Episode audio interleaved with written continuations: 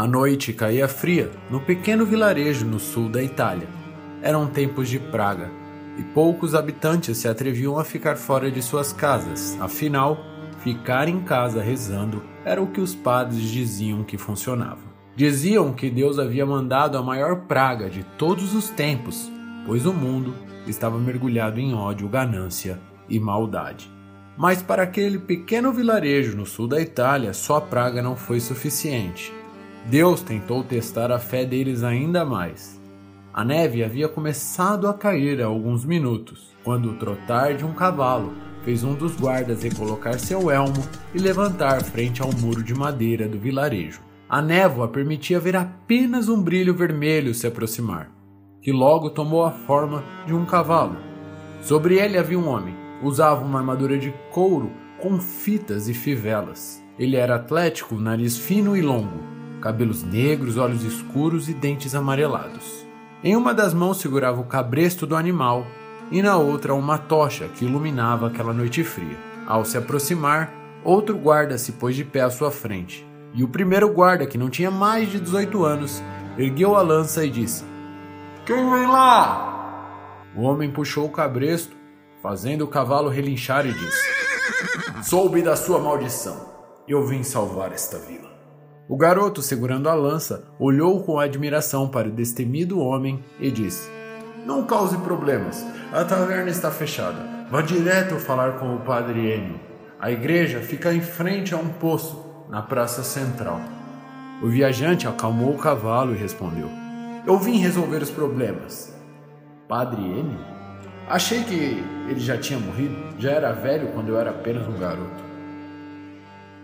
O homem adentrou o vilarejo a galope, olhando o rastro de destruição que a praga havia deixado. Carroças repletas de corpos pútridos empilhava corpos por todos os lados do vilarejo. O cemitério repleto de cruzes não tinha mais espaço para corpo algum. Poucas casas pareciam habitadas. Corvos e ratos se banqueteavam dos corpos mortos. Boa parte daqueles cadáveres de homens e mulheres não tinham mais suas partes moles olhos, línguas e lábios. O homem viu a igreja à frente, passou por um poço de madeira e seguiu, subindo os poucos degraus que levava até a porta de madeira da igreja, que não era tão humilde como as casas dos aldeões. O homem segurou uma argola de ferro presa à porta e bateu três vezes. Um velho careca abriu a porta e disse: Jesus seja louvado! O grande Belgard veio nos salvar. Vamos entrar, está muito frio aí fora.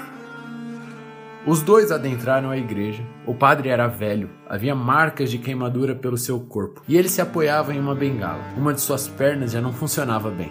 O local tinha alguns vitrais coloridos e estátuas de santos por todo lado. O vilarejo, nos seus dias de glória, recebia pessoas de todos os cantos da Itália para ver essas estátuas e ouvir os sermões do Padre Ennio. Eles caminharam até um banco de madeira de frente ao altar da igreja. Nele havia uma estátua de Jesus crucificado. Ao se sentarem, o viajante fez o sinal da cruz e o padre começou. Fico feliz que veio de tão longe para nos salvar. Desde que a praga chegou, as coisas só pioraram. Além de toda essa gente morta, o vilarejo foi amaldiçoado por uma bruxa.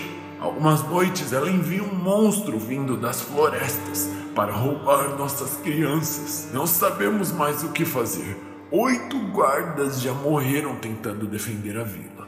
O viajante ajusta o cinto, acaricia o cavanhaque e responde: Fique tranquilo, padre. Eu vou resolver tudo. Me conte mais sobre esta bruxa, onde ela se esconde e a criatura que rouba as crianças, o que é? O padre alisa sua careca e com pesar responde: Não sabemos exatamente onde fica sua cabana, mas dizem que é no meio da floresta. Ela cozinha as crianças e dança com o demônio durante a noite. A criatura que a serve não é humana. Tem quase 4 metros de altura, braços longos, pele podre, nariz longo dentes grandes e garras capazes de furar o metal. Um dos guardas disse que ele manca com uma das pernas e teme o fogo.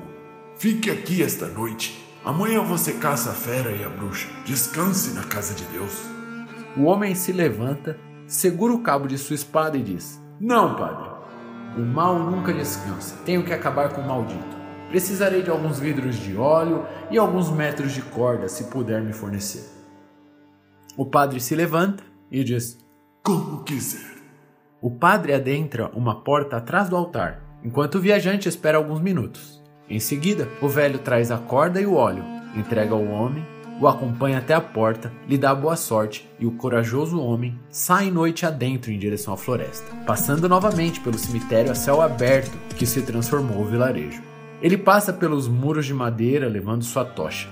As árvores altas, com suas raízes saltando da terra, transformam a floresta em uma verdadeira arena de obstáculos para um cavalo em alta velocidade, forçando Belgard a trotar em direção ao centro da floresta.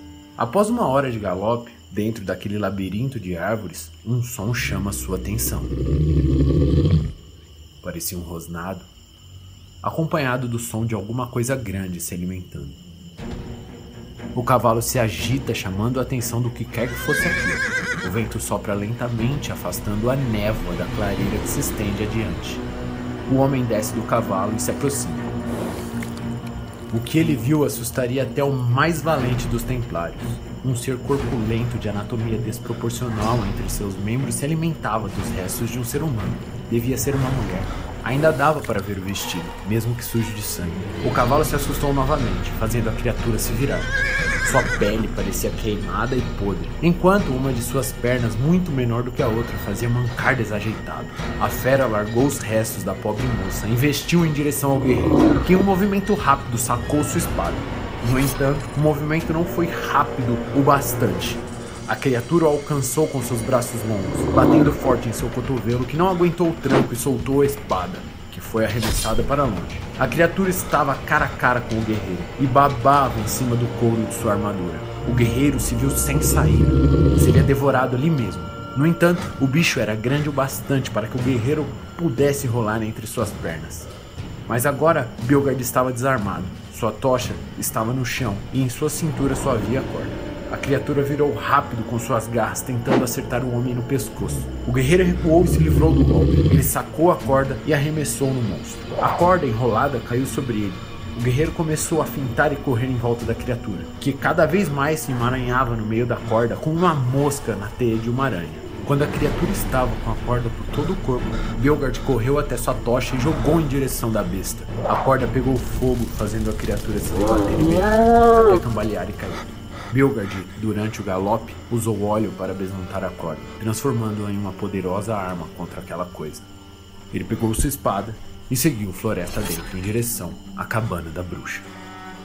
Ao longe, o homem conseguiu notar uma cabana, com fumaça saindo pela pequena chaminé que possuía. A cabana, feita de madeira, pedras e palha, não era maior do que um ou dois cômodos. A porta da frente estava aberta e uma moça estava sentada em um degrau frente à porta. Ela não devia ter mais que 30 anos, cabelos louros, pele clara, vestido branco e poucas curvas. Bilgard desceu do cavalo e gritou: Hoje você encontrará seu fim, bruxa. Morrerá aqui, assim como a besta que você controlava. A mulher se levantou e disse: Ah, você a matou? Que ótimo! Estava acabando com as ervas da floresta. Eu nunca o controlei, nunca fui eu que causei mal ao vilarejo. Bjorgard saca sua espada, aponta para a moça e diz: Então você não é bruxa? A garota se aproxima da lâmina, toca com a ponta dos dedos e diz: Essa é a famosa fazedora de velórios? A explicação do mal, a destruição da maldade? Bom, eu nunca disse que não sou bruxa. Disse que não controlava a besta e que não fiz mal algum ao vilarejo. Pelo contrário, muitos aldeões foram curados por minhas ervas. O guerreiro meio trêmulo disse: Guarde esta língua dentro da boca, eu vou acabar com você aqui agora. A mulher dá as costas a ele e diz: O problema dos guerreiros é que eles são muito espertos em combate. Você nem notou que o padre Enio é o padre do vilarejo há mais de 120 anos, não é mesmo? Quem vive tanto assim? Não percebeu também que a criatura que acabara de matar temia fogo, assim como Enio ou que a criatura também mancava, assim como o padre e sua bengala. O padre vem fazendo rituais com crianças há muito tempo, usando a criatura para despistar. Mas o grande Belgar jamais desconfiaria do pobre padre. Ele vem usando as línguas e olhos dos aldeões mortos para manter a criatura viva. Se eu fosse você, me apressaria. Talvez seja tarde.